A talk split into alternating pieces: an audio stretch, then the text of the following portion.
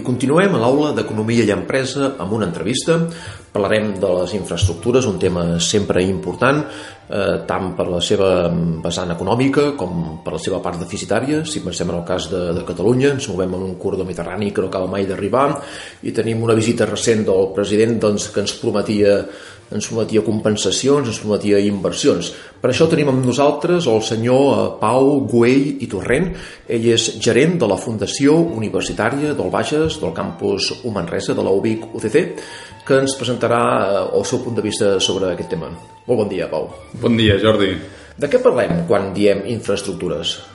Bon, bàsicament parlem de tots aquells mitjans tècnics, serveis i instal·lacions per portar a terme una activitat econòmica o social és veritat que habitualment eh, simplifiquem el terme i l'associem a les carreteres, ports, xarxa ferroviària i aeroports, però també podem incloure en aquest capítol la xarxa de telecomunicacions, les conductes de gas, línies d'alta tensió...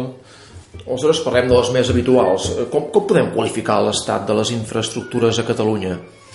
Bueno, primer m'agradaria situar la situació de Catalunya dins del context espanyol i Europa. Catalunya té una peculiaritat que està situada al nord-est de la península i això l'ha fet desenvolupar totes les infraestructures mm, que podem conèixer habitualment.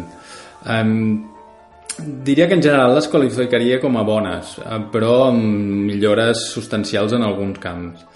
Tenim dèficits importants en sectors com el ferroviari, però si ens comparem amb altres socis europeus, pocs territoris poden dir que tinguin un port i un aeroport de primera categoria i en les primeres posicions tant en volum de trànsit de mercaderies com trànsit de persones.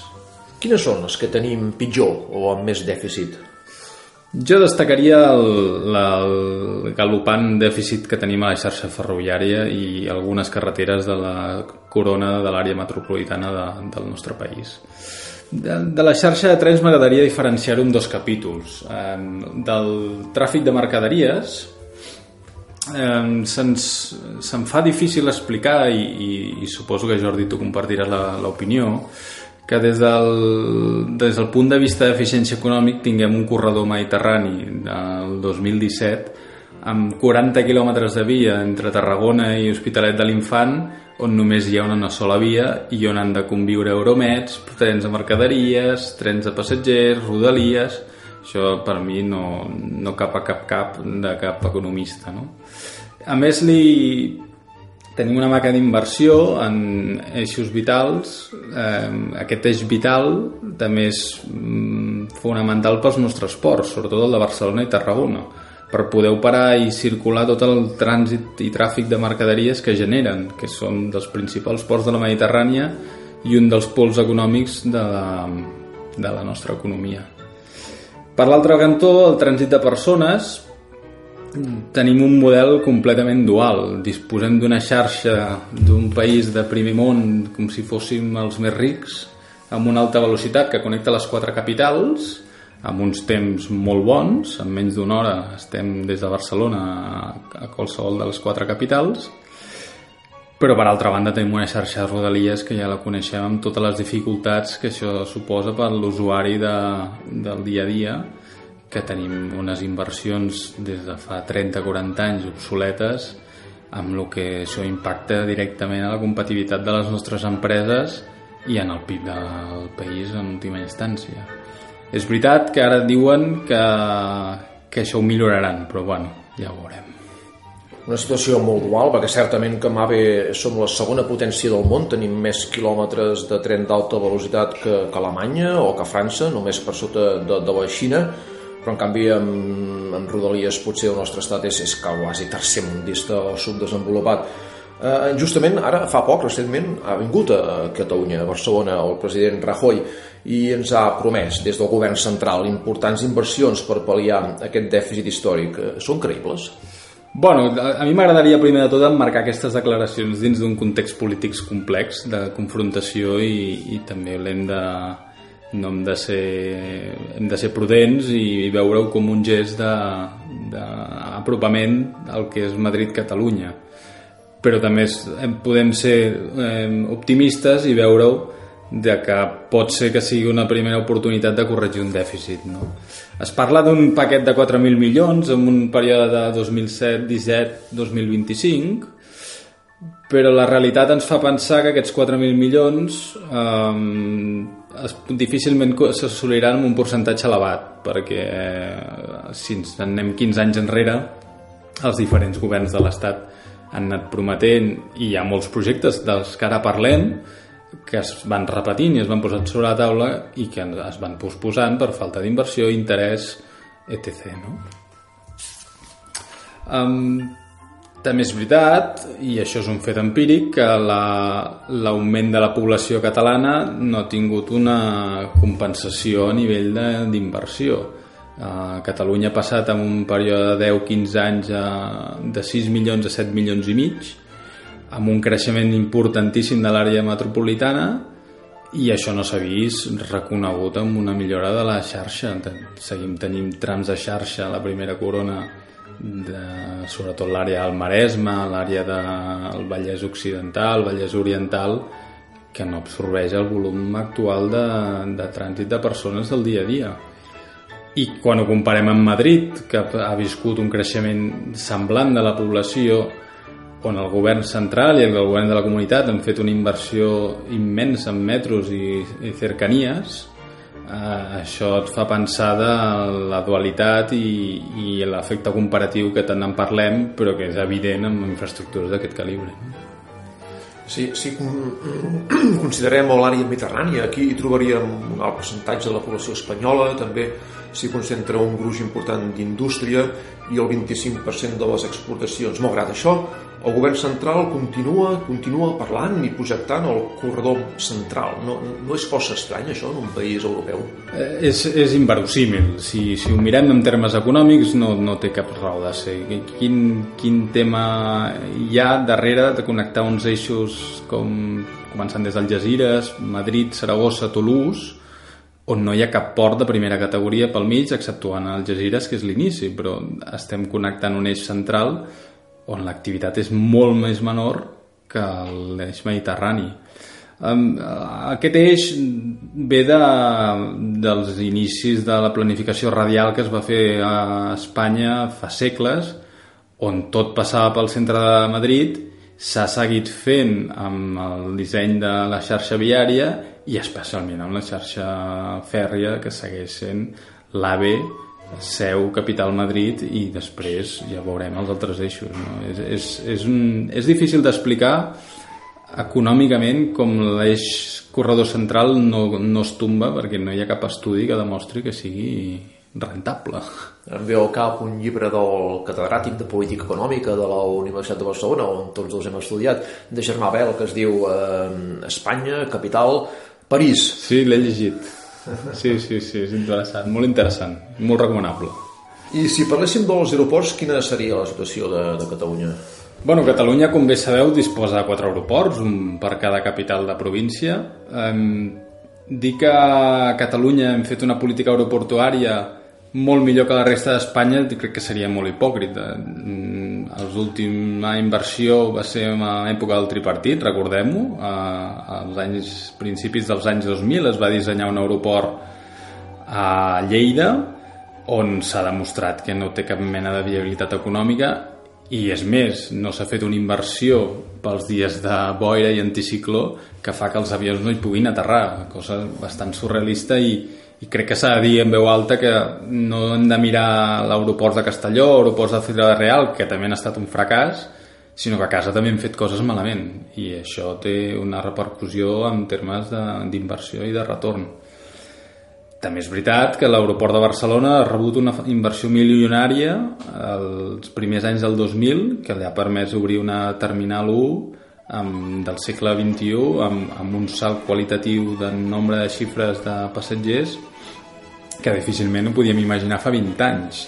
En, en època postolímpica que l'aeroport ja s'havia posicionat però ara estem amb, dins dels 10 primers aeroports d'Europa en, en trànsit de persones i amb un volum creixent de vols transoceànics, que és la gran demanda de l'empresariat de, a nivell català de no passar per Madrid o passar un altre, per un altre hub europeu per tenir les inversions controlades i, i, i centralitzades en una capital com pot ser Barcelona millorant evidentment la competitivitat de les nostres empreses no? Eh, no voldria tampoc mm, deixar de parlar dels aeroports de Reus i Girona que van tenir una activitat molt important fa 10 anys amb l'arribada de les low cost però que és veritat que amb, la, amb el desplaçament de, de bona part d'aquests passatgers amb el, el Prat, donat que ara la, un Ryanair o un EasyJet poden operar allà sense cap mena de problema pel creixement que, que, que ha tingut, han patit una pèrdua de passatgers, però crec que han, han sabut parar el cop i estem en uns trànsits òptims i amb, amb vies de millorar el, el trànsit durant l'any, no? Sí que diguem que Catalunya està ben dotada en aquest capítol i que potser el punt de millora seria millorar les connexions internacionals, però crec que s'està treballant molt bé i que d'aquí uns anys podrem dir que Barcelona serà un referent a nivell mundial, a nivell aeroportuari. No? Mm -hmm. I dels ports en podem estar satisfets? Crec que sí, i ho podem dir clar, que a Barcelona és un clar referent de, de com una inversió s'ha fet bé i, i s'està demostrant que, que té un retorn. El, Barcelona és un dels principals ports de la Mediterrània en tràfic de mercaderies. Si, si mirem una mica l'art mediterrani trobem ports com Algeciras, València, Barcelona, Marsella i, i, i Barcelona estaria en aquest podi. Um, S'ha beneficiat d'una gran inversió, per sort hi ha hagut inversors estrangers com els xinesos que han cregut que cal fer una inversió i, i han apostat i està funcionant molt bé i és importantíssima per la nostra internacionalització com a economia. Eh, pensem que, el, ja ho has dit abans, el 25% de les exportacions espanyoles surten de Catalunya i molta part surten del port de, de, de Barcelona. Un exemple seria la indústria automobilística que està situada a Catalunya, que bona part de la seva producció la, la treu per via marítima. No?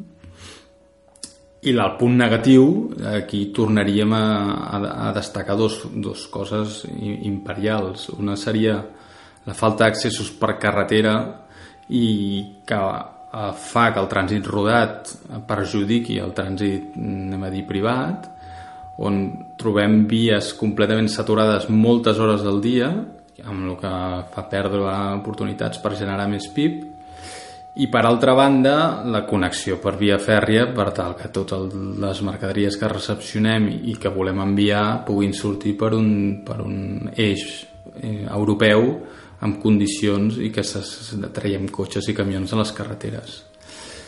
Per últim, a nivell de port, tampoc, també s'hauria de destacar el, el creixement exponencial que ha tingut el trànsit de creueristes. En Barcelona, recordem-ho bé, que és el quart port a nivell mundial per trànsit de creueristes. Eh, després de tot el, el, el pool de ports que hi ha a la zona del Carib, Barcelona és el quart.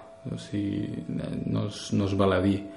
Hem tingut un creixement també de les infraestructures a nivell del port de Barcelona i ara estem en, el, en la fase, jo diria, de consolidació d'aquest gran volum, crec que són més de 2 milions de creueristes que passen, i desestacionalitzar una mica per esponjar, no?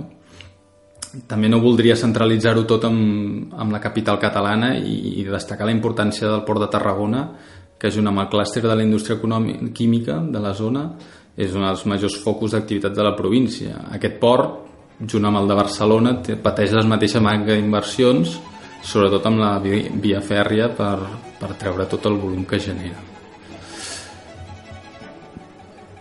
Potser per últim ens faltaria parlar de la xarxa viària. Sí, de, diria que la, la nació catalana disposa d'una xarxa viària envellida Mm, per una falta d'inversions tant del govern de l'Estat com del govern català. Ja sabem que no totes les vies són d'àmbit autonòmic, ni algunes que són d'àmbit estatal, amb el que això suposa no poder actuar directament amb, amb les millores, sinó que depèn d'uns pressupostos i d'unes inversions que arriben quan arriben. Eh, la crisi econòmica ha posat de manifest quan de cara és mantenir la xarxa viària i, i en quin estat la trobem especialment aquells conductors que la fem diàriament a alguns trajectes com ara m'agradaria mencionar la, la C55 que té un estat deplorable pel trànsit que se suposa de les comarques centrals de Catalunya fins a l'àrea metropolitana i amb totes les vides que s'hi han perdut, no? per posar un exemple. Eh, gràcies al capital econòmic i les concessions que s'han anat fent els últims 30-40 anys s'ha pogut dotar d'una infraestructura eh, correcta en, el, en moltes parts del territori però és veritat que les concessions i els peatges a l'ombra tenen un cost elevat pel govern i això s'ha de poder dimensionar. També crec que hem de remarcar que s'ha fet infraestructures amb, amb molta falta de, de visió com per exemple l'eix transversal que es va dissenyar amb un sol carril com es pot pensar que un carril que travessa tot Catalunya pot servir per derivar a l'activitat econòmica i, i l'activitat privada i amb totes les pèrdues que ha patit tant a nivell econòmic i sobretot en vides humanes que s'hi han deixat en, en aquest recorregut que inicialment estava pensat mm, molt malament. El, eh, hem de destacar-ho perquè el trànsit rodat de mercaderies és el principal mitjà de transport mm, que utilitzen les nostres empreses per treure el seu volum de mercaderies tant vingui per via um, terrestre o via marítima. Llavors, el, el tema del, de les infraestructures en la xarxa viària són bàsiques per, per la nostra activitat econòmica. No? Mm, dins d'aquest paquet que abans parlàvem de les inversions que ara ens prometen, hi ha el, millores de, de la primera corona que han de permetre esponjar una mica la circulació. No? obres tan oblidades com la connexió de la 2 amb l'AP7 a l'altura de la B30, que és un pont que jo veig cada dia i fa 5 anys que el tenim parat i que falta poquíssim per acabar i, i no s'acaba d'acabar o la continuació de la B40 que ha de permetre eh, desviat amb una segona corona tota l'àrea del Vallès fins a la zona de Vilafranca fins a Mataró, Mataró que donaria molta més eh, esponjaria el trànsit i donaria molta més llibertat de moviment tant a les mercaderies com a les persones no?